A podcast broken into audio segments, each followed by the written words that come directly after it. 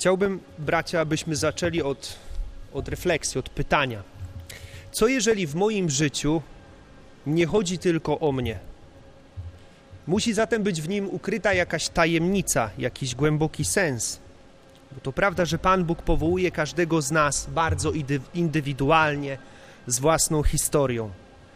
Jednak okazuje się, że dzisiejsze słowo może objawić nam coś, co jest ukryte jakby między wierszami.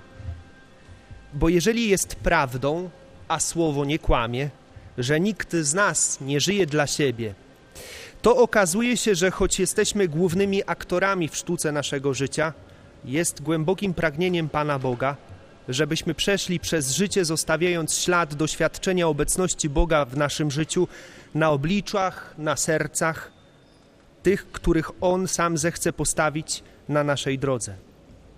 Dlatego nie chodzi tylko o mnie, bo objawia dziś słowo, że dla Jezusa są również ważne te rzeczywistości, które często uciekają naszej uwadze, bo chcąc nie chcąc, koncentrujemy się na sobie.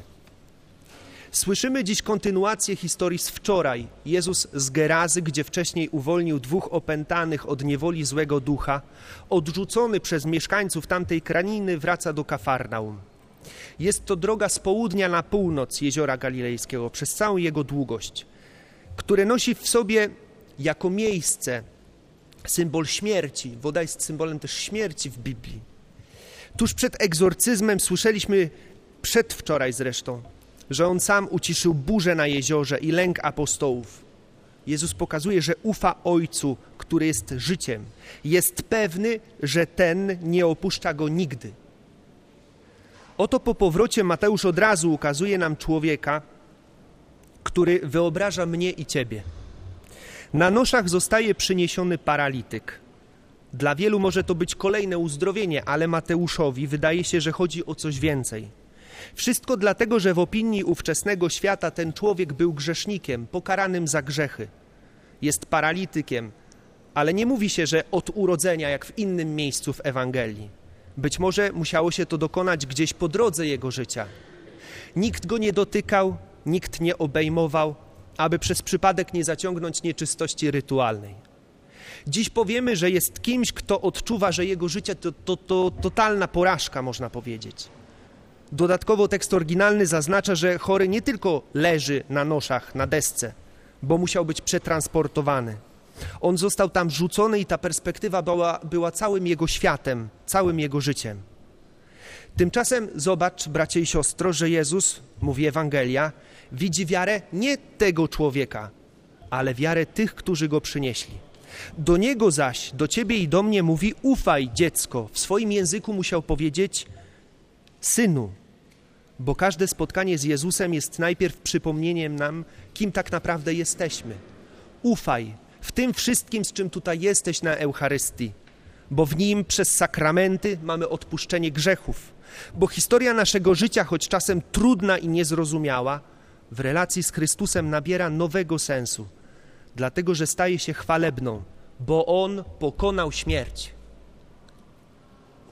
Bo trudne doświadczenie to nie tylko wyrok czy kara, od to nie jest wyrok czy kara od zagniewanego Boga, ale miejsce, w którym On pragnie objawić swoją wierność, objawić, że jest Bogiem, który jest dla człowieka, dla Ciebie. I teraz zobacz, nie chodzi tylko o nas, bo na Twoją relację z Panem znajdzie się wielu uczonych w piśmie, którzy zamiast Ci pomóc powiedzą Ci, nie da się, On bluźni. W jednym momencie po dwóch przeciwnych stronach stają wiara tych, którzy przynieśli paralityka do Jezusa i niewiara uczonych w piśmie. W centrum jakby oskarżenia jest Jezus i jego dziecko, leżący na deskach, dotknięty cierpieniem życia paralityk, któremu w uszach jedyne co wybrzmiewa to przed chwilą usłyszane wbrew wszystkiemu ufaj. Jezus nie zatrzymuje się, idzie krok dalej, bo chce pokazać wszystkim, a najbardziej kontestującym go ludziom, że bycie uczniem Pana, że historia Twojego życia ma sens, bo On ma władzę nad każdą rzeczywistością naszego życia. Mówi: wstań, podnieś swoje łoże i idź do domu. To wstań to nie tylko uzdrawiająca komenda do zmiany pozycji Jezus objawia tu swoje pragnienie, by każdy z nas został wybudzony ze śmierci. Stanął przed nim na nogach, tak jak przystało wolnym dzieciom Boga, które powołane są do oglądania Jego chwały, do kontemplowania oblicza Boga. To jest ten sam czasownik, który odnosi się w Nowym Testamencie do zmartwychwstania. Bo choć świat próbuje ci wmówić, że jesteś nikim, że nikogo nie obchodzisz, że twoja wiara jest śmieszna, to dla Chrystusa jesteś, byłeś i będziesz zawsze Jego umiłowanym dzieckiem. I jeszcze raz możemy zauważyć, zobaczcie, że Jemu bardziej niż mnie samemu zależy na mnie. Znów pojawia się kolejny detal, który nam to potwierdzi. Zapytaj się, bracie i siostro, na co uzdrowionemu w domu ta deska? Po co on ją ma zabrać?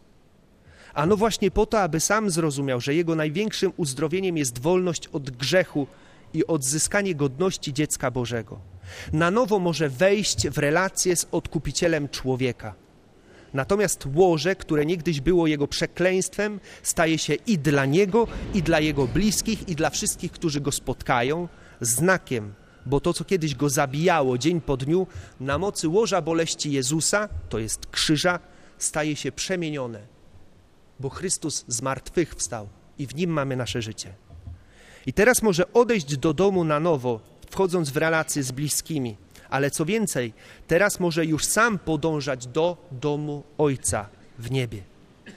I widzący to ludzie wydaje się, że wychwalają Jezusa, natomiast możemy ten, odczytać ten tekst nieco inaczej.